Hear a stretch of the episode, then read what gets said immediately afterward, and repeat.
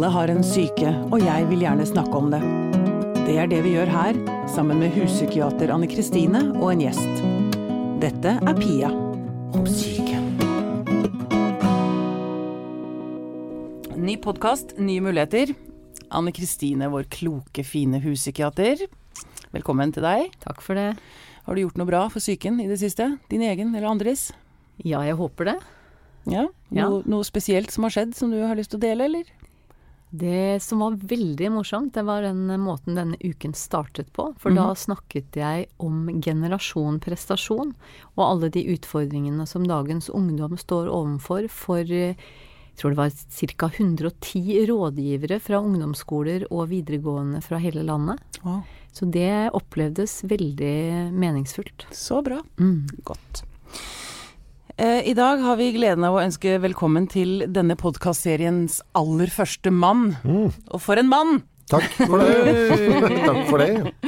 Kristoffer Schou. Ja, Um, takk for at jeg fikk komme. Veldig koselig. ja, veldig, Og veldig rart hy- å bli spurt, men veldig hyggelig. Er, blir, blir du redd for at jeg syns psyken din er rar? Eh, du Nei, jeg bare Jeg føler meg ikke akkurat som et eh, fagpersonell. Eh, Nei, du er ikke, det er ikke du- du- fa, Faget ivaretas av Anne Kristine. Kan jeg spørre huspsykologen om noe? Ja, nå, absolutt. når Vær så god. spurte om, noe, om si- hvordan siste uken hadde vært. Uh, er det sånn innenfor ditt fagfelt at det er liksom sånn som med kokker? Altså, for det, De har jo snakket om at ofte så syns de det er så deilig å bare spise noe, noe billig drit. Eh, ikke lage så mye fancy, som jeg mener? Bare ta seg en brødskive med gulost. Er det litt sånn for deg også? Vet du hva? På fritida, da orker jeg ikke tenke så mye på de greiene der. Jeg tror nok det er litt forskjell på psykiatere og, og kokker der. Ja. Men eh, det som jeg koser meg med, det er at jeg gjør veldig forskjellige ting. Ok. Sånn at eh, uka starta med ungdommer og rådgivere, og i morgen så slutter den med at jeg skal snakke for fengselsbetjenter i Halden fengsel. Oh, Ja. Ja. Så du vet at det går ikke an å bli lei når man ja. har en sånn jobb. Men du også, du også liker å se dårlige amerikanske serier. Absolutt. Hjernedøde serier. Absolutt. Mm, med det. Ja. Ok, men du Kristoffer. Ja. em, hvis du skulle diagnostisere deg selv, Ja. hva ville din diagnose vært? Uh, hvilke termer er det man bruker da, egentlig? Hvilke alternativer man har, mener du? ja, ja, litt grann. Kryssa vi denne boksen? litt, litt. Nei, Et snev av uh, Tourettes, snev av ADHD, snev av sånn, ja, depresjon, Jeg skjønner. bipolar. Jeg er bipolar. Nettopp, nettopp, nettopp. Jeg har jo fått, jeg har jo Du har papir. fått- du jeg har fått fått papir på diagnosen min. Ja. Jeg er usikker på hva den uh, innebærer i forhold til uh, Ligner den på manisk depressiv? Er det mye er det Ja, det er manisk depressiv. Det, er, den, nye- er termen på manisk depressiv. Ah, jeg skjønner. Eh, ja, men da vet jeg. uh, nei, den har jeg ikke. Noen har prøvd å kaste den på meg, men det er bare venner. som, som har påstått det. Uh, hva er det jeg, jeg har Det er jo litt av fordelen. Jeg har blitt 45 nå. Og jeg vet jo Det er en sånn sånn bra ting med å bli den alderen her. At jeg har jo litt mer eh, oversikt over eh, hva som fungerer for meg, mentalt og ikke, enn det jeg hadde da jeg var yngre. Um, og jeg har jo skjønt at jeg er en mann som uh, liker orden uh, Ja. veldig. Ja. Jeg liker aller helst skulle jeg hatt at uh, dagene var nesten identiske. Mener du det? Eh, ja, eh, altså at hver mandag da var lik, var lik skjønner du hva jeg mener? Ja, sånn, ja. jeg er veldig ukesdag, ukedag eh. Mm. Eh, forholder meg veldig mye til lister og sånn. Mhm. Så hvis jeg er no, Og det er ganske ekstremt, har jeg skjønt, i forhold til nesten alle rundt meg, hvor eh, opptatt eh, jeg er av det. Jeg liker å vite hva jeg skal jeg, Overraskelser liker jeg veldig dårlig. Jeg vil vite hva som skal skje. Ja, for du er ikke noe glad i besøk og sånn, har jeg lest. Nei, ikke de greiene der. Eh, Da må du i hvert fall, jeg må vite om det lenge i forveien. Hvis noen forteller meg nå at de skal komme på besøk til meg i morgen eh, de, Så en, dag, en dags varsel holder ikke det heller, altså. jeg, jeg tror ikke jeg hadde godtatt det. Um, Hva, hva slags diagnose ville du satt, Anne Kristine? Nå har jo jeg prøvd å fortelle deg det flere ganger, Pia, at jeg er eh, Ja, men jeg sier det at eh, diagnoser skal man bare sette hvis man har bruk for det. ja. Eh, Men det du forteller om, Kristoffer, det handler jo litt om hvordan du Altså hvordan din personlighet er. ja, ikke sant? Og der er det varianter, og jeg syns at du beskriver det veldig godt. At du er en person som liker forutsigbarhet. Ja. Eh, og noen liker det. Eh, og noen liker at det skjer nye ting hele tida. Og da er man bare litt i hver sin ende på et personlighetstrekk. Ikke noe gærent med det. Jeg tror det er litt for min del at, mye, at det er så mye rot i det jeg gjør, som jeg mener. Ja. At eh, altså jobben min At alt rundt må være strukturert. Ja, ikke sant? for jobben, alt jeg driver med som er liksom jobbrelatert, er ganske sånn uforutsigbart. Mm. Det er eh, Ja, det er jo podkaster jeg driver med, jeg òg. Og man vet ikke helt hva, hva som kommer til å skje der, når man kan Mm. møte folk og sånn. Og så er det jo dette bandbusinessen. Man lager hele tiden nye plater. Man aner jo ikke hva om Når man lager det, blir det bra? Vet ikke noe om, det er ikke noe trygghet i det. Kommer noen til å like det? Så skal du ut og spille. Kommer det til å komme folk på konsertene? Og hvordan blir Du drar til Porsgrunn for å spille. Vil det dukke opp folk? Altså, det, er, det er bare usikre faktorer hele tida. Og da liker jeg at alt det andre er veldig sånn Ordentlig strukturert. ja, Men det- overdrevet strukturert. Men du har jo sagt, jeg har hørt deg si flere ganger, eh, og lest også at uh, du har ikke så mye til overs for dette livet. Altså depresjon har jo vært en del av eh, livet ditt, har ikke det? Ja, ja, nå er vi tilbake til litt sånn eh, midten av 30-åra-aktig, starten av 2000-tallet. Okay. Da var jeg en sutregubbe ganske godt der, men jeg følte at jeg klarte å hanke inn det igjen. en eh, Ja, for du, du, du virker jo veldig, veldig blid. Bli. Ja, men det er koselig. Ja, I dag er jeg smørende blid. I dag, vet du, for i dag så hadde jeg en liste når jeg sto opp, og så fikk jeg gjort det og det, strøket ut, strøket ut, gjort det, og så, så ja, lista er tom, og så, ja, så da, det er veldig godt. Tidlig på dagen, og lista er tom. Jeg har ikke noe mer jeg må i dag. Veldig bra. Nettopp. Så måtte jeg dessverre føre på et par ting som jeg kom på i stad, på morgendagens, men eh, det skal gå. Men sånn som i denne boken um, 'På vegne av venner', Ja. Da skriver du eh, jo at du må skape for å holde deg unna depresjonen. Ja. Ja, men det, det, er ligger sant. vel kanskje noe Det er veldig sant. Det er også litt, men det tror jeg også Det er også sånn gamlis-greie som har kommet, at jeg har liksom skjønt åssen jeg fungerer, på en måte. Ja. Og fikk tatt de grepa der sånn for sånn fem-seks år siden, kanskje. Eller noe sånt. Ja. Man, ja, man rota seg inn i sånne sirkler av klønete ting som man, ble dårligere og dårligere humør av. Eh, jeg hvilke sirkler? Nå er jeg ikke med. Nei, men eh, altså, man, du, ikke, du kjenner at du ikke har det så bra som du burde, så må du tenke ok, hva, Så da satt jeg og tenkte hva er det som alltid gjør meg i godt humør? Ah, Ok, sånn, ja. Det er disse tingene her. Ok, da må jeg gjøre mer av det hva jeg ikke liker. Og jeg, ikke- jeg liker ikke det rotet og de greiene der. Du tok rett og slett ansvar for ditt eget liv. Ja. At Ja, ja, jeg måtte egentlig det, altså. Mm. Eh, Sånne opp, Det syns jeg egentlig jeg gjør ganske ofte. Eller eh, jeg setter meg ned og tenker sånn Det der er ikke noe Nå er det noe som skurrer. Nå må jeg tenke Ok, hva er det jeg liker? Ok, jeg må gjøre mer av det. Dette pleier alltid å funke. En annen ting som, er, som jeg syns er fascinerende med deg, det er at du eh, Veldig mye Jeg tenker at du oppsøker ubehag. Ja, det har jeg gjort mye. Jeg har det, Og, og altså. går liksom, du presser deg selv til langt over yttergrensen. Jeg lurer på, hva, hva, det du, hva var det du lette etter der? Hva var det du ville oppnå? Ja, det er veldig spesifikt for hver enkelt ting. Eh, hvilken, skal, hvilken er det du tenker på? Kan Nei, nå, altså Forfallsprosjektet var vel Ja. eh, det, det var ett Ja. som er veldig tydelig. For, ja, ikke sant? Forfallen, det Det var Ja, da bodde jeg jo der i butikkvinduet på Karl Johan. Mm. Og så skulle jeg se hvor mye det var mulig å forfalle i løpet av en eh, uke. fysisk og psykisk. Ja.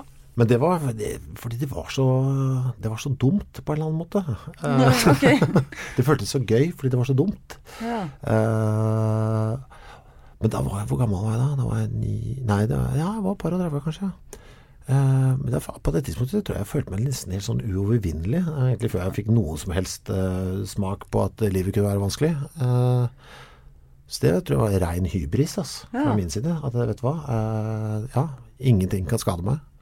Da hadde jeg altså så mye dårlige ideer som gudskjelov ble stoppet fra NRKs side. eh, så det Ja. Men du liker yttergrenser. Du liker, Ja. du liker å, å gå imot eh, det synes- normale, eller Jeg syns det er spesielt gøy å gjøre ting som eh, Som jeg vet kommer til å irritere folk, men som egentlig ikke har noen grunn til det. Altså, det eneste jeg skader oppi dette Hvis jeg gjør et eller annet som jeg vet kommer til å irritere veldig mange, men den eneste som det egentlig går utover, er meg sjøl, ja. det syns jeg er ganske gøy. Uh, for da tenker jeg da burde dere Ja, da burde dere ikke irritere dere så mye over dette, for dette, det, er- det, det er bare meg det går utover nå. Ja, for jeg tenker at Det liker jeg godt. Du, du gir jo Du skaper liksom Du skaper et større rom for veldig mange da ved å gå så langt og Og så opplever jeg også at du mm, du er veldig opptatt av å være en decent guy, altså en decent fyr, liksom. Ja. Altså, det er mange som bruker sparker nedover og altså, bruker, skal, skal være de morsomste i verden og sånn, og det, det er ikke helt deg. Nei, prøver å få ha et eller annet sånn eh, Det var vel ikke helt ryddig akkurat det kompasset der, som på midten av 90-tallet helt. Eh, Men i hvert fall prøve at i hvert fall bli litt hyggeligere der, altså. Akkurat det også Ja. Du føler at du føler jeg? Ja, det føler jeg. Og vært litt mer bevisst eh, den, akkurat det der. Ja. Uh, skal jeg liksom mobbe et band nå, så må jeg mobbe DumDum Boys, liksom. Ja, er- oppover. Ja. Ja. Det syns jeg. Og så er det en annen ting som jeg Skam synes er bra faktor der, altså. Sånn, Skam? Ja, sånn drivkraft, føler jeg. For å liksom bli bedre. Fortell. Ja, men akkurat det med at hvis man eh, Ja, det er egentlig bra det at man skammer seg over et par ting man har drevet med opp igjennom. Ja, og liksom- det er kanskje kult at man, at man si, tester at man går over den grensa et ja, par ganger. Ja, ja, det er i hvert fall et par ting jeg tenker fy faen, det er sånn det må- Å, ja, bra ingen husker det. For det er sånn det må jeg ikke gjøre igjen. Nettopp. Sånne ting. Mm. Anne Kristine, eh, når du hører det det Kristoffer sier, Dette bablet fra sida her. Nå kjenner jeg det, er mye kaffe som snakker her. kan, kan, kan du lage litt struktur? Nei da. Nå, nå skal fagpersonen slippe til. Kolon. Jeg syns jo at uh, veldig mye av det Kristoffer sier er veldig spennende. Og jeg får lyst til å kommentere på alt, egentlig. Gjør det. Eh, jeg gjør det. Sant, kjør på. Eh, det første du sier med at du trenger eh, ryddighet i livet ditt fordi at du holder på med så mye som er kaotisk og uforutsigbart, Ja. det er jo, tenker jeg, det er veldig smart. For da sparer du energi der du kan spare det, og så bruker du det der hvor du trenger det. ja. Og det er jo på samme måte som alle mennesker har det, eller i større eller mindre grad, sånn at når du går inn i et rom, så setter du deg på den samme plassen hver dag. Og så kan man jo tenke at ja, det er tvangsprega og håpløst, men det det handler om, det er jo det at eh, tenk hvor mye energi du sparer på å slippe å lure på hvor du skal sette deg hen hver gang du går inn i et rom. Da kan du jo bruke den energien på noe annet. Så det du forteller om, er at du skaper en ro og en struktur i livet ditt som gjør at du har mye å by på når du skal gjøre de kreative tingene. Så det er, det er rett og slett bare veldig lurt. Ja. Ja. Bra. Det blir Du er- å finne, finne noe som funker for en sjøl. Ja. Som er, I hvert fall for min del, da. Men mm. ja. Ja, men jeg tenker på andre som Eller vil, vil du si at du har en krevende syke? At, at du blir sliten av deg selv, liksom? At, at du Ja, jeg, eh, ja. Innimellom. Fordi innimellom så koker det over, eh, spesielt hvis jeg har vært litt sånn klønete og jeg har kommet litt sånn a jour med ting. Eh, ja, jeg har en sånn konstant følelse av dårlig tid. At livet er litt for kort til å rekke alle tingene. Det er mye ting jeg gjerne skulle ha gjort. Så jeg har veldig mye sånn Ja, jeg må passe på at For det første at jeg ikke finner på ting som kommer til å kreve for mye tid, når jeg bare så vidt er à jour med de tingene jeg holder på med. Eh, det er jo noe liksom manisk preget over det. Det er jo. Og Uh, herregud, nå klarte jeg å surre meg bort her. Ja, nei, men det er Eh, ja, men i hvert fall Ja, så det Det Ja. Men jeg kan, eh, jeg kan kommentere mer, ja. Ja. Siden du slutta å snakke nå. Så benytter jeg Ja, eh, ja. sjansen til å smette inn igjen. Ja. Jeg syns det var så spennende det du sa om at du eh, jobba mye for å kanskje holde depresjonen på avstand. ja. Altså for det er eh, Det tenker jeg er veldig, veldig menneskelig. Altså det der å holde seg opptatt på annet hold. Fordi at det å være for mye i, alene med sitt eget hode, det er ikke bestandig så lurt. Fordi at hvis man blir sittende mye aleine og har mye tid til å tenke, så er det ganske mye trist her i livet å tenke på. Ja. Og det er ganske mye vondt og vanskelig. Så sånn sett så er jo det en, en, eh, en moden og lur måte å håndtere livet på. Det er jo det å sørge for å, å ha meningsfulle ting å holde på med. Fordi at det har jo ikke noe for seg sånn i seg selv å begrave seg i elendighet. Mens av og til så har man ikke noe valg. Man blir kasta ut i den elendigheten, og så er det et strev med å komme seg går ut ut i en av det. sumpmark og holder på å drukne. Men, men det går an å finne en sånn balansegang, og det er jo det du forteller om. Det er jo at det koster litt å finne den balansegangen mellom å ha meningsfulle, viktige ting å holde på med, og det å At det blir for mye. Og for min del så har det handla mye om å finne medisinen, på en måte. Altså hva er motgiften mot uh, Tungsinn og Ja, det ene er jo da stress. Hvis du har veldig mye og du føler at nå har jeg ikke oversikt, hva, hvordan Og det har tatt litt tid for min del å finne ut av hva, hvordan løser jeg det. Uh, og hvis man er, som er den ene tingen, som jeg da løser uh, med kronisk listeføring, og så gå, må jeg gå ut og bare brenne av overskuddsenergien med en eller annen form for uh, treningsøkt. Mm. Bare få det vekk. Og det hjelper nesten alltid. Og det er jo ikke noe, det ikke noe negativt i det, å få seg en liten treningsøkt i en alder av 45. Det trengs alltid. Jeg skulle ønske jeg hadde det. Og så er det det andre som er hvis man liksom bare kjenner, Hvis jeg har liksom bare sånn, litt sånn tung dag, da. Hva er det som alltid funker? Og da må jeg alltid Ja, stemmer det. Jeg, hvis jeg bare spiller altså musikkting, ikke hører på for det vil, da, Lage ting sjøl? Ja, lage ting sjøl. Mm.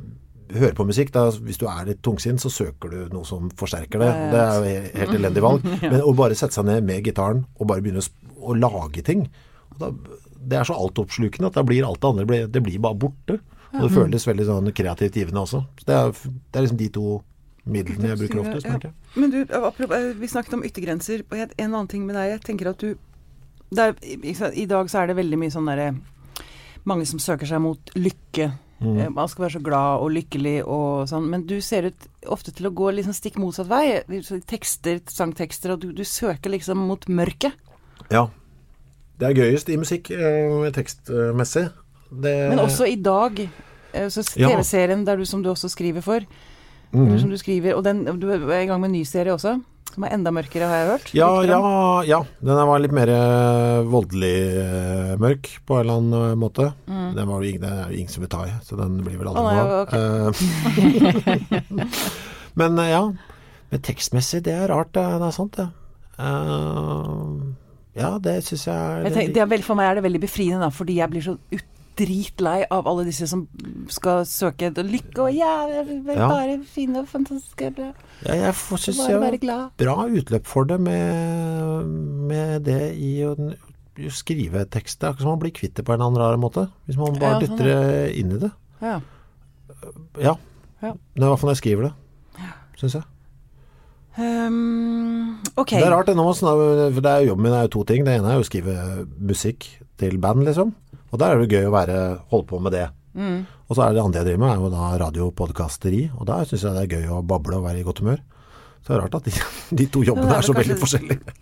Jo, men da får du jo tatt ut to forskjellige sider av det. Ja. Er det vel, gjør du vel da? Ja, antagelig. Jeg. jeg vet ikke. Mm. Spør eksperten. Høres veldig Begge ser litt sånn forsiktig bort. Hva, hva, hva, sitter hun og tenker nå? Hva, hva, ser hun? er du sånn som driver og analyserer folk som tenker å nei, der har vi et snev av uh, Nei, vet du, det kan jeg egentlig love deg at det gjør jeg ikke. Nei. Men jeg syns det er veldig spennende å høre hva folk tenker, og hva folk mener. Mm. Og jeg får jo mange tanker sjøl, altså av å høre på det som Kristoffer sier nå, og det når du spør og sånn. Så, så, jeg får veldig lyst til å være med i samtalen, men jeg har ikke noe behov for å analysere og si at jaså. Sånn du tenker. Det var rart. Det er derfor du er en sånn gullende god huspsykiater, vet du. Det er ak mm. akkurat det der. Klokskap kaller vi det. Um, vi um, Dere har noe felles. Dere har en, eller en slags uh, Felles er å ta i, men dere har en slags fellesnevner. Uh, og ikke en veldig hyggelig en. Uh, Anders Behring Breivik. Ja. Kristoffer, du skrev kommentarer for Morgenbladet under rettssaken. Ja. Anne Kristine var leder for den avdelingen som ville tatt imot Anders Behring Breivik dersom han ble dømt til uh, tvungent psykisk helsevern. Det stemmer. Mm. Mm. Du først, Anne Kristine. Um, det skjedde en del i forkant. Du, du, det var veldig pågang fra pressen, mm. bl.a. Det var mange spørsmål som, uh, som du måtte besvare. Ja. Kan du fortelle litt om den, den tiden? Eh, først, hvilken avdeling var det? Det var regional sikkerhetsavdeling i Helse Sør-Øst. Mm. Altså det er en del av Oslo universitetssykehus. Ligger mm. ute på Dikemark i mm. Asker. Mm. Ja, det var en veldig spesiell situasjon, fordi at det ble veldig mye oppmerksomhet rundt avdelingen. Nettopp fordi at det var jo den, den avdelingen man tenkte seg at måtte få ansvaret dersom det skulle bli behandlingsdom. Eh, og i Norge så har vi jo ikke noe tradisjon på det som i andre land kalles high security psychiatry. Vi har jo sånne gamle bygninger som ligger ute på landet, det finnes jo ikke et gjerde. Mm. Så, så, det ble jo mye snakk om det, ikke sant? om sikkerhet og bygninger og hva har vi her til lands og hva skal vi gjøre. Det var det ene, og det dukka jo opp et gjerde plutselig over natta rundt bygningen. Eh, det andre var at det var veldig mye spørsmål om sant, hva er schizofreni? Hva er sykdom? Hva er ikke-sykdom? Eh, og det var jo eh, si, en prosess som varte over ganske mange måneder. Og da var det mye interesse. Men altså, jeg opplevde det som en genuin interesse og et behov for folkeopplysning om, eh, om ulike psykiske lidelser, og ikke minst da om psykose. Så, så, jeg opplevde det både selvfølgelig slitsomt med det at det var mye pågang fra media, men også meningsfullt fordi at det gikk faktisk an å snakke om psykiske lidelser i media. Mm. Og så ble det jo veldig, veldig viktig å avkrefte en del myter. Altså avkrefter mye som hva da? Som at folk med schizofreni er farlige. Ja, ikke sant. For ikke sant, det er eh, Altså, det er jo ikke sant. Eh, jeg har hatt eh, vi si, gleden av å forelese om disse temaene nå i, i, årene som har gått. Og da starter jeg ofte med å, å si er, La oss si at det er en, en forsamling som består av kvinner. Så spør jeg dem hvor mange av dere bor sammen med en mann? Og så rekker nesten alle hånda opp i været. Og så sier jeg hvor mange av de mennene tar seg et glass vin eller en øl i helga? Så rekker nesten alle opp hånda. Så sier jeg dere burde være redde. Hmm. Fordi at 96% av alle drap i Norge begås av menn i nære relasjoner under ruspåvirkning. Hmm. De siste fire prosentene, da kan vi begynne å snakke om at det kan være noen eh, selvfølgelig også med psykiske lidelser i den gruppa, men sant, det er så få det er snakk om. Eh, så det var viktig for meg å avlive den myten. Det er ikke noe grunn til å være redd for folk som har en, eh, en psykoselidelse, sånn i og for seg. Og så er det selvfølgelig noen symptomer hos enkelte mennesker med psykose som kan gjøre at det er en forhøya risiko for vold. Mm. Men jeg fikk, jeg fikk, anledning til å snakke litt om de tingene. Og nå viste det seg jo det at eh, det ble jo ikke satt noen psykosediagnose i den saken. Så det var jo for så vidt greit. Mm. Men, eh, men, det ble en del muligheter for, eh, for, å snakke om ting som det ikke snakkes så mye om ellers, og det opplevde jeg som en, en av de få positive, positive tingene. tingene. som kom ut av det. Kristoffer, mm. um, du kommenterte som sagt for uh, Morgenbladet. Uh, dine rettsnotater var, uh, det var veldig, veldig fine, uh, syns jeg. Og fordi du var en av de få eh, som jeg opplevde som satte deg selv inn i situasjonen. Altså du satte søkelyset på deg selv. Uh, Istedenfor å kommentere som en sånn ob objektiv avstand. Ja. Det må ha kosta en del? Ja, det var uh, Jeg skjønner ikke hvorfor jeg takka ja til det der, altså. Uh, var det tøffere enn du ja det, ja det, ble så mye på en gang. For det første så hadde jeg aldri skrevet noe under en deadline, så det var veldig forvirrende for meg. Jeg vant til at ting er ferdig når det er ferdig, men her var det jo Dette må du levere og Morgenbladet trykkes jo ganske lenge før det er i salg osv. Så, mm. uh, så det var veldig, det var veldig Så arbeidsformen kom oppå som en sånn ekstra stress. Og så var det der, ja, det der ansvaret jeg følte for å skrive det, som var uh, ja, ja, det var, ja, det var mye på en gang. Så de første, spesielt de to første ukene her, da var det ganske kaotisk, altså. Da tenkte jeg at dette var en, dette var en fryktelig dårlig idé. Ja. Uh, ja. Det var så veldig mye på en gang. Eh, på alle mulige måter. Men du leverte veldig altså det, det, ble ganske personlige tekster. Ja. Du, du, var veldig Du var brutalt gjøre. ærlig og, og sagt ja, Det var liksom det eneste jeg kunne bringe til torgs, uh, følte jeg, der inne, var at uh, Jeg tenkte at hvis det er noe Ja, at jeg i hvert fall Jeg skulle ikke ha noe skam på å Jeg bare si, i hvert fall, kunne i hvert fall si det akkurat åssen jeg sjøl følte alt. Uh, og hvis det skulle slumpete være noe som ikke var så bra, så fikk jeg bare si det. Det var liksom det eneste jeg følte Jeg skulle ikke fortsette å jobbe i en annen avis i mm. etterkant, eller gjøre noe karriere innenfor rettsvesenet på noe som helst vis. Så jeg, det var mm. liksom den at jeg kunne ja, bare Det var, følte jeg var det mitt eneste mandat der. Bare fortelle akkurat hvordan dette opplevdes på en annen måte. Ja, det var kanskje derfor du ble spurt, annet også at du ikke hadde den klassiske, tradisjonelle kommentator-journalistrollen. Jeg syns det er rart å tenke på at jeg var der, altså. Det, Ja, hva hva er det sterkeste du sitter igjen med fra Og Én ting er jobben din, men fra hele fra rettssaken, fra den perioden. det er mange ting, altså. Det, nei, det aller verste øyeblikket er eh, For det kom så brått på når man satt der inne. eh, Så begynte jo han Breivik begynte jo bare, helt plutselig, å fortelle Det var liksom ikke noe Du går jo ikke inn i rettslokalet og får et sånn eh, et teaterprogram hvor du forteller Nei. dette er temaet for dagen. Plutselig så er du bare i gang. Og så begynte han plutselig, så var du bare i gang med, med selve dagen, hvor han gikk gjennom dagen. Og så helt uten forvarsel så er vi da plutselig ute på, på Utøya og han om og begynner å fortelle om det han drev med der ute. Sånn minutt for minutt. Og så sitter jo vi da pressefolk sitter eh, på Jeg satt jo bakerst av pressefolkene, så jeg satt liksom på rad tre. Så umiddelbart bak meg så hadde jeg jo da Så jeg satt jo pårørende.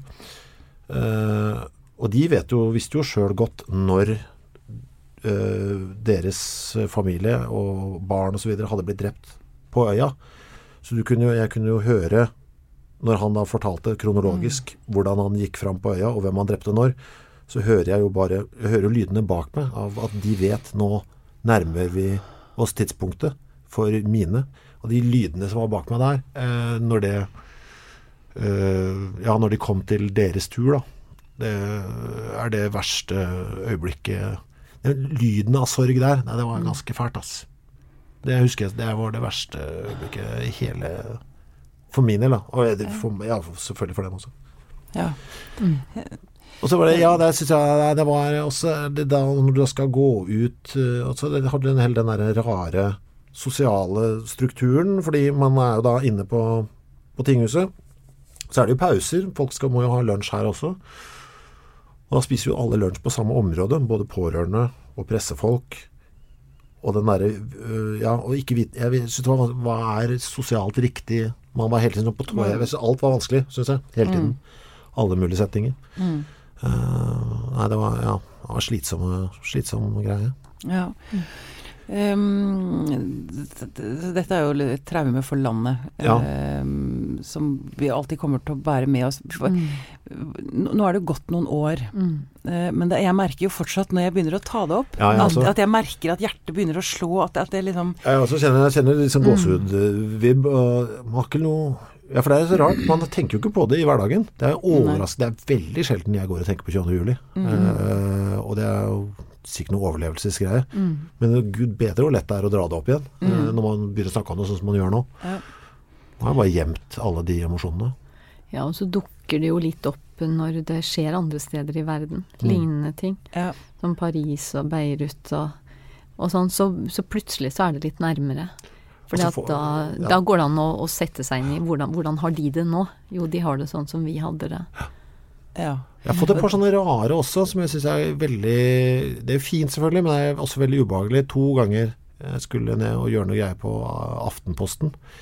Helt sånn eh, eh, Sånn, eh, ja sånn lett arbeid. Jeg skulle anmelde noen TV-serier fra Aftenposten. Skulle inn, i litt gjøre opptak. Syklet jeg nedover Akersgata, dette er for noen måneder siden. Og så er det noen som vinker til meg, Han er en liten gruppe eh, voksne mennesker som vinker til meg ved veikanten. Og så stopper jeg for å parkere sykkelen, så snakker jeg med dem. Og så er det da etterlatergruppa etter 22. juli, som da fremdeles møtes. Og det det er plutselig. Å, shit, ja faen. Og da har du folk som er, de er på samme sted i sorgen, ikke sant. Mm. Så, altså, den er jo da fremdeles like sterk på en eller annen rar måte. Og så kommer jeg da liksom glad og plystrende og liksom, jeg er i, skal inn og si noe om Solsidan, den TV-serien, liksom. Ja, Og er ja, på sånn- litt, litt annet sted i Ja, så blir kastet Ja. Den påminnelsen her at fy faen, ja, her er- sykler jeg rundt, og livet har gått videre, og så er det like sterkt der. Det er de greiene der, det, det, det er rare. Det syns jeg er rart. Mm. Um, når vi ser på den Du trakk frem Paris og Beirut og altså det, å det føles jo som det nesten altså, eskalerer i antall angrep. Um, um, man, er, det, er det mulig å trekke noen paralleller til psyken? Anders Behring Breivik og de som sto bak i Paris. Kan, kan vi si noe om det? Eller er det helt umulig? Jeg tror nok det er eh, si, umulig å, å trekke likheter der. Eh, Men jeg jeg bare tenker for å klare å gjøre noe sånt nå, så må det være noe veldig grunnleggende gærent. Og at det er en likhet ja, i, at det er i galskapen, det er noe liksom. Men jeg vil jo veldig gjerne at vi ikke kaller det galskap. Ok, hvorfor det? Fordi at uh, jeg har lyst til at vi kaller det ondskap. Ondskap, ok. Mm. Fordi at når folk gjør sånne ting, så blir det veldig feil å bruke de samme begrepene om det som vi bruker om folk som på en måte lider fordi de har en eller annen sykdom. Mm. Men at, altså, at- at det er noe som ikke er eh, som det skal hos mennesker som kan gjøre sånne gjerninger. Mm. Men eh, vi, vi velger jo da å tenke om noen er utilregnelige fordi at de har en sykdom som gjør eh, at de ikke har helt kontroll på hva de gjør, og de kan ha stemmer, og det kan være sånne ting. Mens de vi velger å kalle tilregnelige, den store forskjellen er jo at de som er tilregnelige, de vet at det de gjør er ulovlig og galt, men velger å gjøre det allikevel. Men så kan man jo si at når folk da velger å gjøre noe som er både moralsk forkastelig og ulovlig, så må det jo være et eller annet merkelig som gjør at de syns at det da er det riktige valget å ta. Og da kan man jo tenke seg det at eh, kanskje både oppvekst og kultur og miljø og alt sånn ikke er spesielt bra. Mm. For, for det er jo også det spørsmålet som jeg stiller, altså, både i forhold til Hitler eller Behring Breivik eller hvem det nå er. Hvor mye er medfødt, og hvor mye er Hvor mye har de blitt skadet? Er det mulig å svare på? Og jeg tenker at svaret er jo det at de tingene henger sammen. Mm. Fordi at når, når vi blir født, så blir vi jo født med et genmateriale. Ikke sant? Mm. Eh, og så kan det jo være sårbarhet for ulike varianter av både sykdom og personlighet og litt av hvert i de genene. Mm. Og så vil jo det miljøet man vokser opp i bidra med mye. Altså det man lærer og det man opplever. Eh, og i tillegg så vil det miljøet man vokser opp i kunne påvirke hvilke gener som skrus av og på. Og så er det jo det at det som er avgjørende for om et menneske vokser opp og får et godt liv og en god syke, det er jo graden av tilknytning fra starten av. Ja. Altså barn som starter livet med å ha trygge og tilgjengelige omsorgspersoner rundt seg, som er der på barnas premisser, som gir det barna trenger av oppmerksomhet, tilbakemeldinger, alle disse tingene. Altså da har man en mye større sjanse for å få det godt i livet enn hvis man blir forsømt, utsatt for overgrep, omsorgssvikt, Mm. ikke har trygge voksne. Altså da, da er risikoen mye, mye større for at uh, utviklingen ikke går som den skal.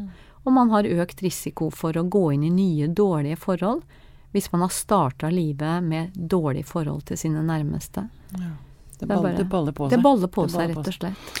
Men du Kristoffer, du som satt så tett på han. ehm, fant du noe menneskelig inni der? Fant du noe empati? For, em, Ehm, Nei, men du har sånne rare Man vil jo liksom ikke assosieres med han, ikke sant? På et eller annet vis.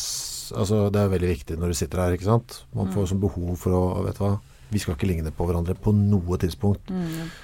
Og så har du sånne rare øyeblikk, eh, som bitte små, som ikke er noe å si, på en måte, hvor han eh, husker det var eh, eh, Han snakket jo, han spilte jo så mye World of Warcraft, ikke sant? mm.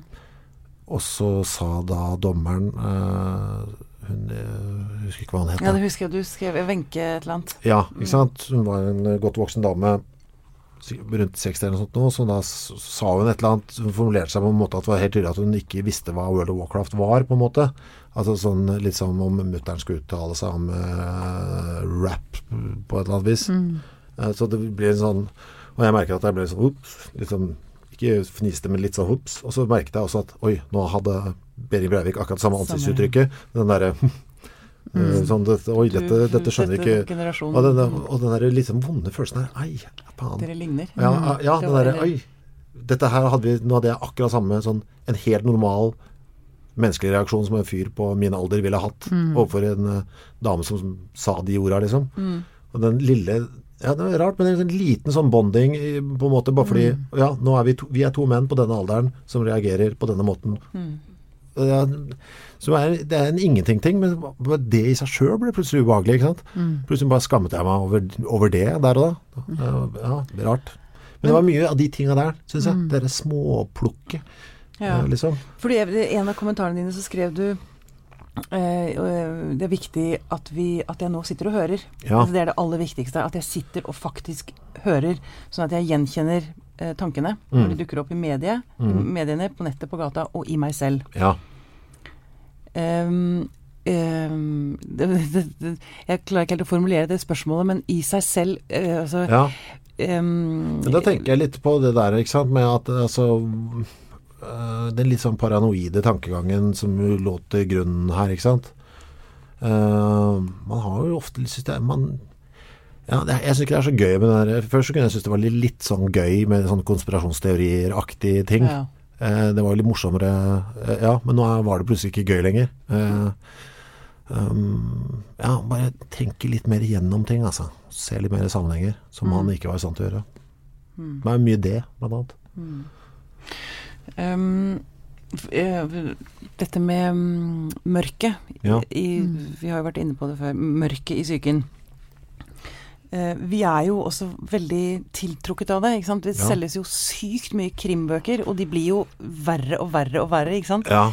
Disse morderne blir jo mer og mer utspekulerte og uh, psykopatiske. Altså, hva er det som tiltrekker oss sånn med det?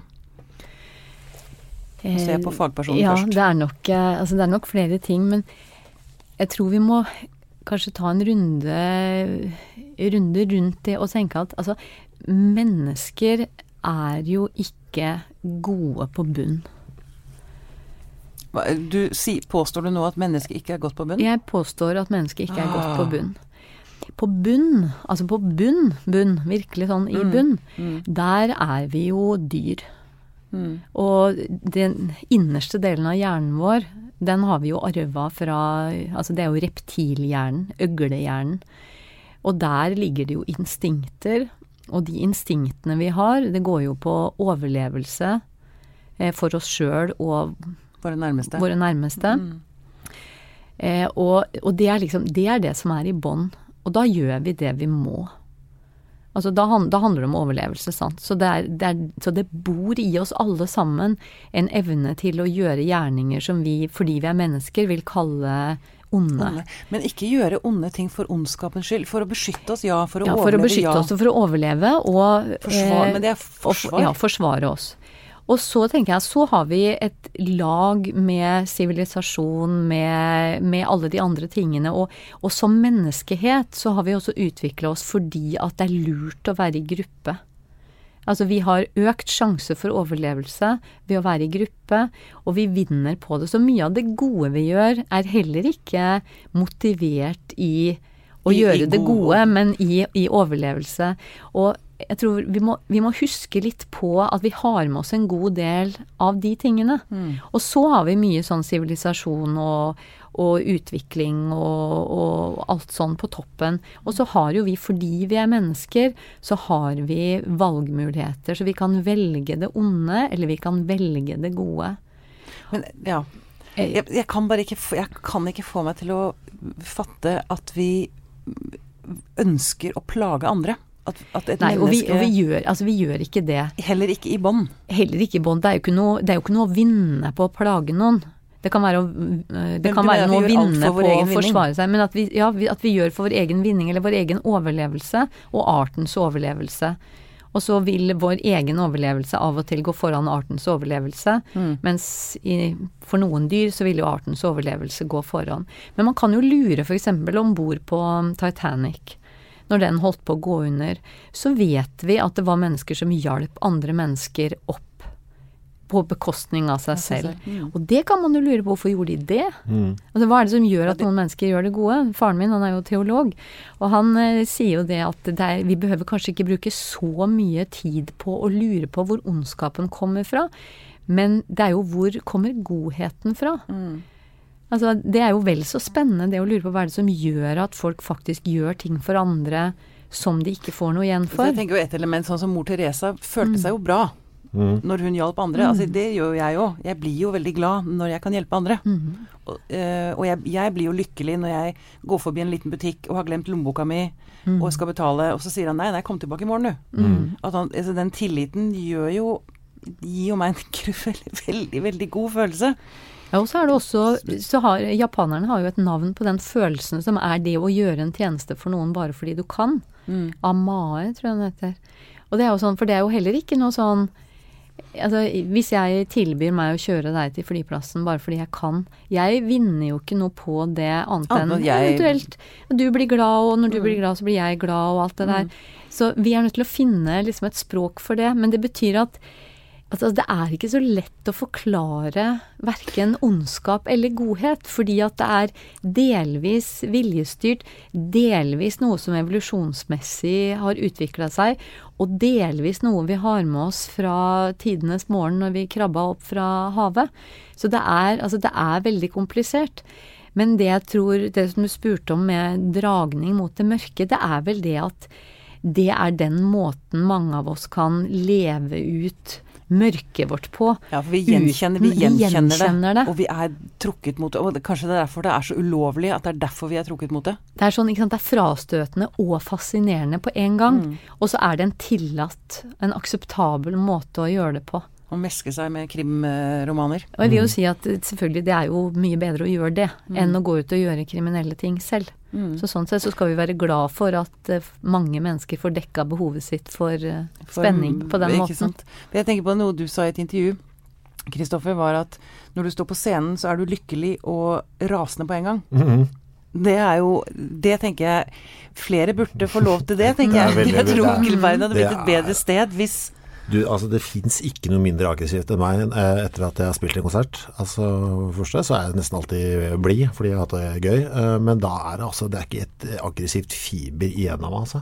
Eh, Det er bare borte. For du har fått tatt det ut. Ja, det er altså når du står og vræler alt du kan, og ja, du har hatt makspuls i 40 minutter. Det, Det, det er bare helt Ja, da er jeg Ja, da er jeg letteste mann i er verden å ha med å et gjøre. Ja, jeg er faktisk det, altså. Men de sier jo det, de sier, jeg snakker om det, folk som driver med kampsport, som har sort belte i et eller annet, karate eller et eller annet. De, jeg spurte dem òg, er det sånn at dere liker å slåss på byen, liksom? Nei, overhodet ikke.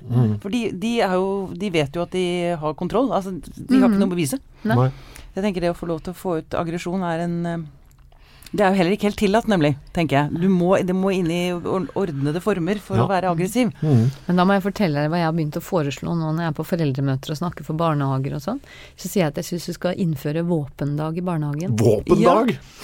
Ja, men altså innebærer det? Jo, men nå skal du Ja, nå skal du høre. Ta med deg et Altså, samuraisverd og ja, jeg har jo, jeg har jo, en, eh, jeg har jo en sønn som er tenåring nå. som er våpenekspert. Eh, ja, delvis. Men da han var liten, så var det ha med-dag i barnehagen. Og han, han var bare opptatt av pistoler og sverd da han var liten. Han plukka opp en pinne, og det var pang-pang, og fekta med bestefar med kvister, og det var det som var gøy.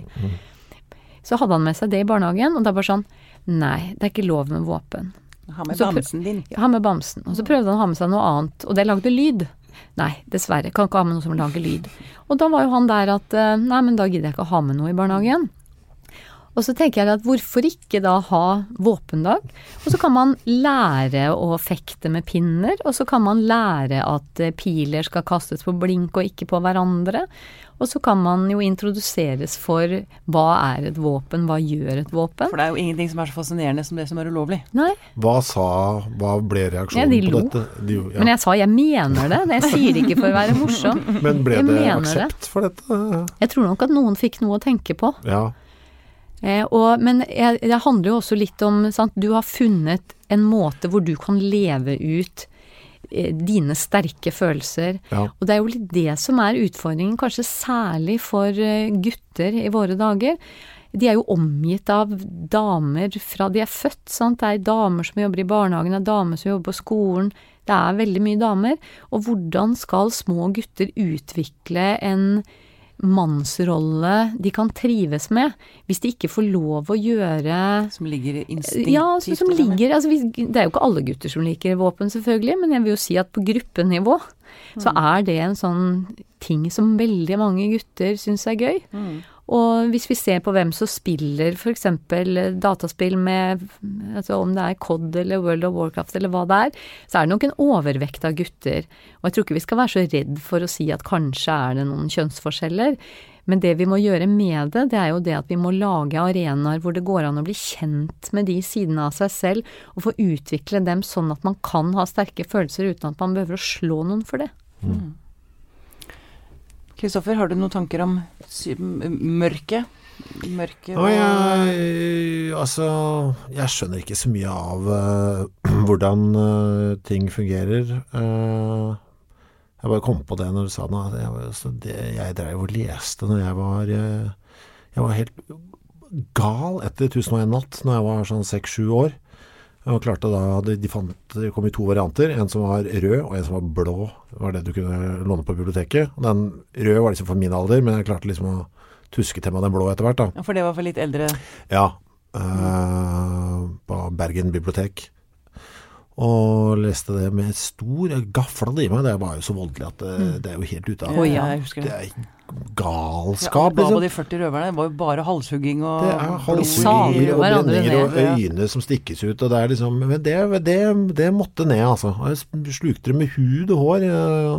Ja, jeg vet ikke. Jeg vet ikke hvorfor det er sånn, men det Jeg fikk ikke nok av det. Jeg, jeg, kjenner, jeg, kjenner, det igjen, ikke i like stor grad, men jeg husker disse eventyrene som var skumle, mm. var jo de beste. Ja, det var det. Det var noe med den derre å, få lov til å skjelve og bli litt redd, og det, det er noe utrolig deilig med det. Og det groteske, man har sånn en periode hvor man bare skal ha det verste av det verste. Mm. Og man, det, ja, det skal liksom bare tømmes av det der. Og så er, blir man uh, gudskjelov litt mer var for det med åra. Så nå er det ikke så stas lenger eh, på en eller annen måte. Nå føles det litt sånn unødvendig. Og, mm. Men det er, sånn, det er noe aldersbetinga òg, altså. Jo, men jeg tenker bare... på Hannibal Hekter i natts, 'Nattsvermeren'. Ja. Mm. Er jo en helt utrolig fascinerende fyr. Ja, ikke sant. Og han er jo grotesk. Veldig. Mm, det er Ja, jeg, jeg bare lurer på hva Ja, det, vold og blod er noe Det er noe vi lengter etter òg, liksom. Ja, folk, ja, det er jo ja. Er, jeg tror det er den der blandingen av at det er eh, både frastøtende og tiltrekkende på en gang. Mm. Og det er, med, det er, jo en grunn til at skrekkfilmer er så populært. Mm. Og jeg leste en artikkel om det en gang, at det er sunt å bli litt skremt når man vokser opp. Altså sånn på oh, den måten, for det er jo en trygg skremsel. Mm. Altså, for det der du, du, har liksom en armlengdes avstand til det som skjer, og så får du utforska de følelsene. Mm. Så det er jo den måten man skal bli skremt på, ikke fordi man er redd selv fordi mm. at man blir trua, mm. men for å måtte utforske følelsene og bli kjent med seg selv, så må man jo Man må jo kjenne på, man må jo kjenne på følelsene, og ingen følelser er jo farlige. Mm. Altså, ingen tanker er farlige, ingen følelser er farlige. Det er jo bare handlinger som kan bli farlige. Mm. Og hvis man bruker nok tid på å si, bli, bli trygg på det at eh, ja, ja, så har jeg noen sånne følelser og Altså, jeg kan jo, bare for å være litt ekstrem, da. Jeg kan jo sitte her og tenke at jeg har lyst til å drepe dere. Mm. Dere dør jo ikke av den grunn. Nei, det er sant. Og tenkte jeg det ikke heller, altså, Nei. for å ha det sagt. Du var jo innom det. Men, men, ikke sant. Så, så, tanken er jo ikke farlig. Frøken Våpendag var innom Ja, frøken eh, Våpendag. Men ikke sant, det at, det at, jeg vet at det ikke er farlig å si det, ja. gjør jo det at jeg er jo ikke redd for hvis jeg skulle få en ekkel tanke, så blir jo ikke jeg redd fordi at den tanken kommer inn i hodet mitt, for jeg vet at det er bare en tanke. Mm. Mens det er jo Det kan jo være skremmende for mange at de får tanker i hodet, og så jo mer de prøver å ikke tenke på det, jo verre blir det. Jeg synes også det er rart å tenke på hvor mye, hvor mye villere eh, nepa gikk når man liksom var i, i puberteten og sånn. Altså, mm. Gud bedre hvor mye Der fikk eh, voldsfantasiene fritt eh, utløp. Uh, men jeg tenker at så lenge fantasien får lov til å få fritt utløp, jo. at man ikke er redd for uh, Men det er jo ganske komisk at uh, hvor lite kontroll man har på det mm. i perioder av livet. Ja. Hvor det virkelig koker over i alle mulige retninger. Mm. Men du, fra, fra, Det er bra man blir eldre, altså. Det er en god ting. Det er en god ting. Vi, vi utvikler oss faktisk. Det er en god ting. Jeg tror ikke jeg hadde orka å være 15 alltid. Nei, fy bevare meg. Å, jeg er glad jeg er ferdig med den tiden, ja. Eh, men fra ondskap til gal tilbake til galskap Nei, ikke det heller. 35? Ja. Mm -mm. Um, fra ondskap til gal... Ja, er det mulig å snakke ja, jeg bare, nå, kom jeg på noe. Jeg kom på noe nå. Jeg var, kom på det på vei opp hit, så kom jeg på det. eh, åra fra jeg var sånn 22 eh, til sånn 28 Altså, den, den følelsen av uovervinnelighet jeg hadde den tida der, eh, ser jeg tilbake med, med, ah, okay. med dyp fascinasjon. Altså, da var det, tror jeg ikke var noe i verden som kunne bekymre meg på noen som helst måte. Eh, det liker jeg å tenke på den tida der. Gud bedre Ja, meg. Jeg, kje- kjenner igjen det. 100 At- udødelig. Og hele verden lå på mine føtter, og alt lå foran, og alt kunne gjøres. Jeg hadde ja, alle muligheter. Det har, føler jeg ikke at jeg har lenger, kanskje. Nei. Ferdig. Nå er jeg ferdig. Nå kan du fortsette gjennom programmet. Ok, vi prøver Ja, igjen for tredje gang. Ja. Fra ondskap over til galskap. ja. Eh, jeg har jo opplevd at min hjerne har eh, oppført seg rart. Altså, Og forrådt deg. Forrådt meg, ja. Godt uttrykk. Ja. Eh, så rart at jeg ble innlagt. Eh, aldri noe fare for eh, mine omgivelser eller meg selv, men allikevel så gærent at de mente at nå må hun der roe seg ned litt. Grann. Mot din vilje, eller? Mm, Mot min vilje. Ja. Ja. Tvangsinnlagt kalles det. Mm. Eh, en gang har det skjedd, og, um, og det er jo en artig erfaring Mm. å ha med seg på veien. Men jeg lurer på, har du noen gang touchet borti galskap i deg selv? Har du eh, Ja, men da er det relatert til rusmidler, altså. Eh, at man har eh, holdt festen gående litt for lenge og, og alt det der. Kanskje vært våken i litt eh, vel mange timer. Eh, og da blir man jo ganske rar, altså. Eh, Så din, din hjerne har ikke forrådt deg? Nei, men eh, jeg kan jo kjenne på det innimellom. Men det, det er så mildt da i forholdet, ikke sant. Jeg kan jo kjenne på at, vet du hva. Det er ingen grunn Altså jeg kjenner at, vet du hva, i dag har jeg det ikke bra. Og så kan jeg prøve, men hvorfor har jeg det ikke bra? Og så prøver jeg liksom å finne ut av det. Så er det ikke noe Det er ikke noe legitim grunn til det, på en måte. Eh, og så kan jeg bli litt sånn uh, forvirra av det, og da gjør jeg de tingene jeg snakka om i stad. Da må jeg bare Ok, nå må du bare Dette er eh, skyldes for mye kaffe, for lite søvn, et eller annet uh, Altså noe Du finner på noe, liksom. Noe, ja. Og så prøver jeg å justere det inn uh, i forhold til det, da. Men eh, Men galskap har du ikke Nei. vært borti? det nærmeste jeg kjent på, er egentlig noe som jeg har fått i nyere tid. Hvor jeg tenker, som jeg synes er Og det liker jeg veldig dårlig. Mangel på kontroll. Det får jeg bare Jeg pådratt meg klaustrofobi i, i, i voksen alder. Mm. Faen så døvt det er. Helt Og jeg skulle inn og ta en sånn MR ja, Ja. her, og inn i maskinen. Og så går det jo greit. Jeg legger meg nedpå der, så skal du ha med huet først. Og sier han her er panikknappen, så legger han den oppå der. Kan du trykke på hvis du får panikk? Panikk, jeg skal ikke få panikk. Å herregud, nå får jeg panikk. og den å ligge inni den når jeg lå inne der, og så kjente jeg fy faen, dette, dette går faktisk ikke. Og så er jeg helt sånn rasjonelt. Jeg tenker, vet du, det er, du er bare inni dette røde. Det er ikke noe stress. altså men så bare overstyrer hjernen med det, og pulsen går i 100, og jeg er nummeret før jeg prøver å synge inn i maskina, og det er bare Og den har satt seg så fælt nå at jeg, jeg skal ikke inn i den. Jeg orker, ikke- jeg orker ikke Men har det det sånn. forplantet seg til sånn heis og Du har ikke klaustrofobi Nei. her inne i studio og sånn? Nei, kun i der Uh, kunne kjenne litt på det Jeg kan liksom Jeg må ikke tenke på det hvis det er i noe sånn lukka rom, for da kan jeg sikkert Jeg kjenner at da kan den komme. Jeg må ikke fòre det. Mm. Så jeg har fremdeles kontroll på den alle andre steder enn inni det trange Inni den Ja, jeg skal ikke inn i noe rør og sånn. Du Ja, skal altså. ikke, nei. Ferdig med MR. ja. Men uh, det er det nærmeste jeg kommer på det, og det var en for, helt forferdelig følelse. Ja, Det er helt grusomt. Uh, Jeg skjønner jeg ikke åssen det må være å ha det sånn. Men jeg hadde en periode flyskrekk av en eller annen grunn. Kom det. Uh, Men det gikk over. Ja.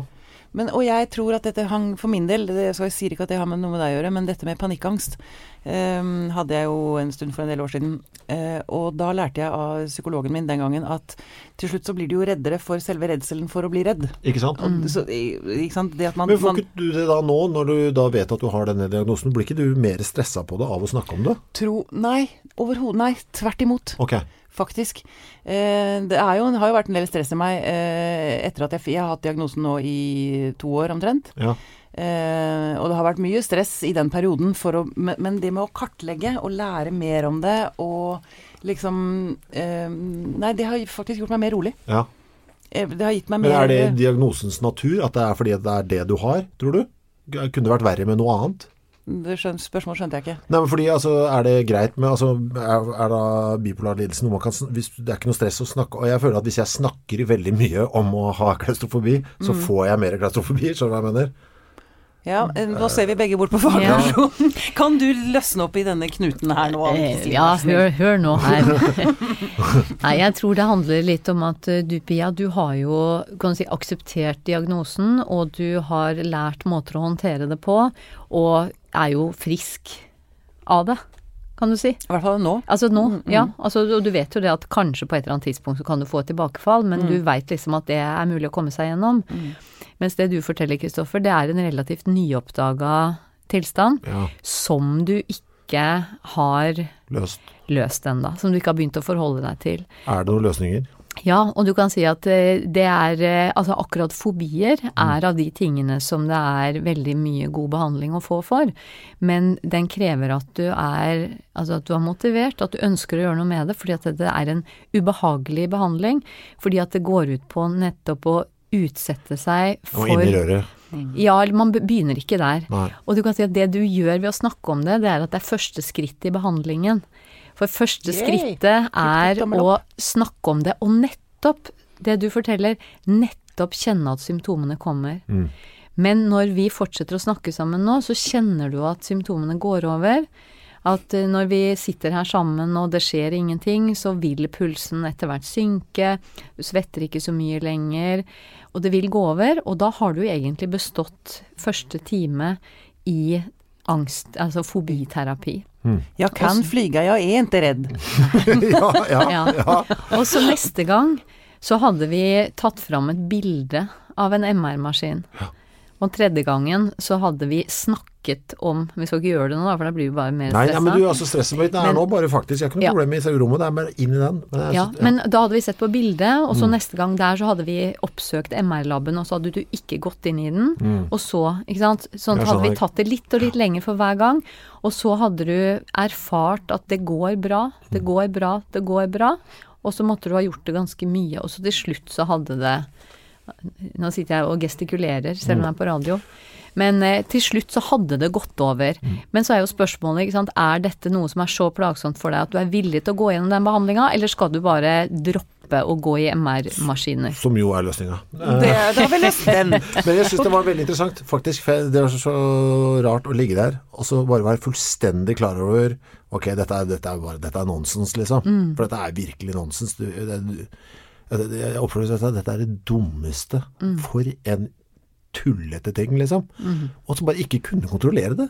Det er veldig Jeg synes det var en fascinerende opplevelse. Det er jo det som er angst. Ja, det er jo nettopp kontrolltapet. Opplevelsen av Det kontrolltap. helt merkelig. Ja, velkommen i klubben. Ja, og jeg føler ikke at jeg, er, jeg føler ikke at jeg kan hive meg på, altså. Jeg føler at det, du, du vant. Men, ok, yay! Du, da, til slutt nå, så bare, i og med at vi nå sitter Du har nå tilgang til eh, leder for Norsk psykiatrisk forening. Er det Ja. flere ting du har lyst til å ta opp?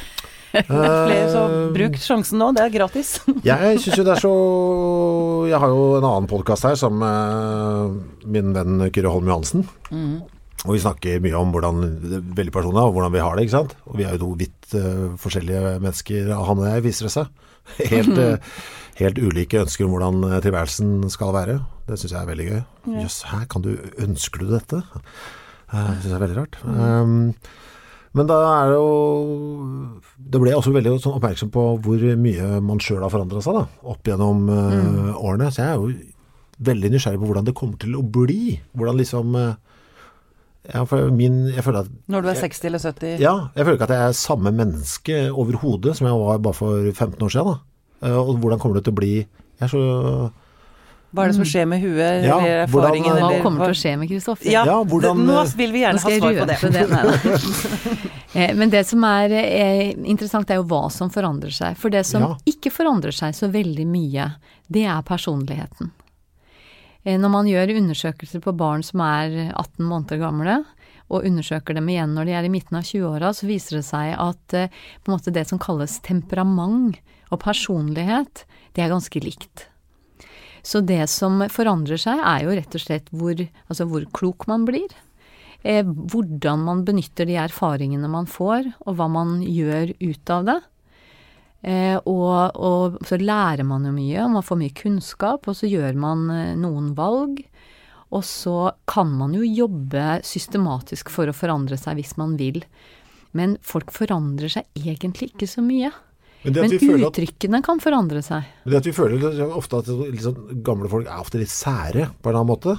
Ja, Eh, det kommer du også til å bli. Jeg Ja. kommer definitivt til å bli sær. Men er det fordi vi på en måte bare Vet du hva? Jeg vet hva som funker for meg. Nå skal jeg bare gjøre det. Mm. Er det en, er Det det en ekstrem forsterker seg. ja, er det en ekstremvariant av det jeg driver med nå? Som kommer til å forplante seg? For Ja, nå har jeg liksom ja. funnet mine systemer, og nå liker jeg at det også bare blir de systemer blir trangere og trangere og trangere. Ja, Så er litt sånn. Ja, man blir Altså, man kan, man kan i hvert fall bli det. Man behøver Ja. jo ikke, men man kan bli litt måte litt mindre fleksibel eh, etter hvert. Og så blir man litt eh, Mange blir jo litt mer selvsentrert. Ja. Altså at man Men det handler om sånn nysgjerrighetstap. Det er jeg veldig redd for. Ja, det er jeg også redd for. Men å få lov til å bli sær, det må være greit. At man ikke, jeg gidder ikke det pisset lenger. ja. Altså, det bare, bare skrelle vekk. Mm. Bare finne ut Nei, jeg orker ikke. Jeg gidder ikke å bruke tid Og på det det. tenker jeg er en kombinasjon med at man faktisk blir litt sånn tryggere på hvem man er, og hva man har lyst til, og at man da føler seg friere til å sortere bort en del ting. Og så handler det nok litt om at personlighetstrekk blir litt sånn forsterka med årene. Eh, men, eh, men du vet, man eldes også på forskjellig måte. Jeg har jo møtt mange eh, eldre mennesker opp igjennom, også i, i jobbsammenheng. Og jeg ser jo at noen klarer å bevare nysgjerrigheten på andre mennesker. Altså noen går, begynner på Facebook når de er 90, sant? fordi de skjønner at oi, her er det noe Her som jeg ikke har vært med på før. Men så er det de som, eh, altså de som er gamle fra de er unge. Som ikke har den nysgjerrigheten, og som er seg selv nok. Så jeg tror nok at alder handler mindre om år, og altså hvor mange år man har levd, og mer om hva man måtte gjøre ut av det, og hva man ser for seg, hva man ønsker. og og ja, litt om man lever etter å nå mål, eller om man lever i tråd med verdier. For hvis man når mål, vet du, så kan man si at nei, men nå er jeg i mål, da trenger jeg ikke gjøre noe mer.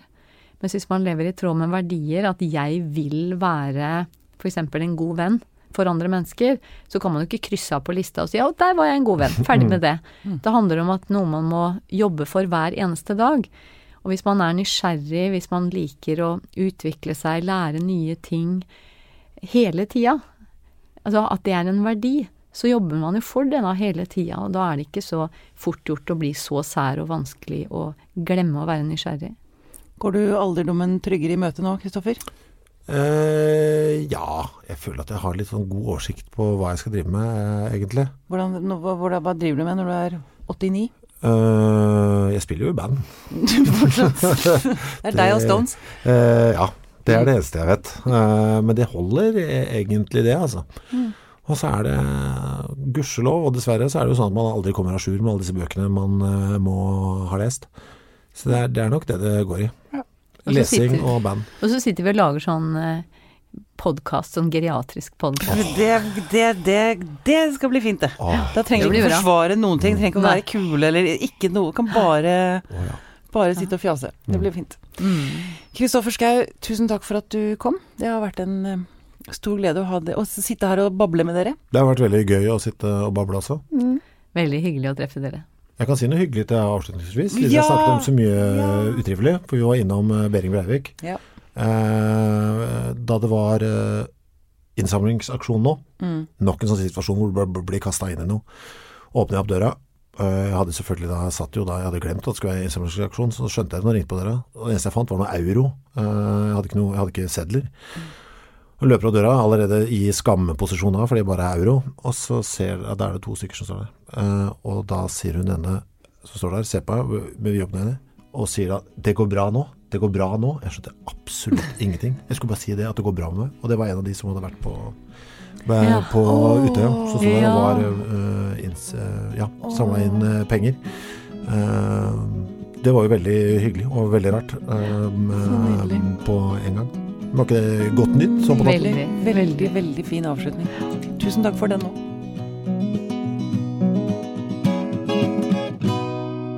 Denne podkasten er produsert av Av Tid og Lyst.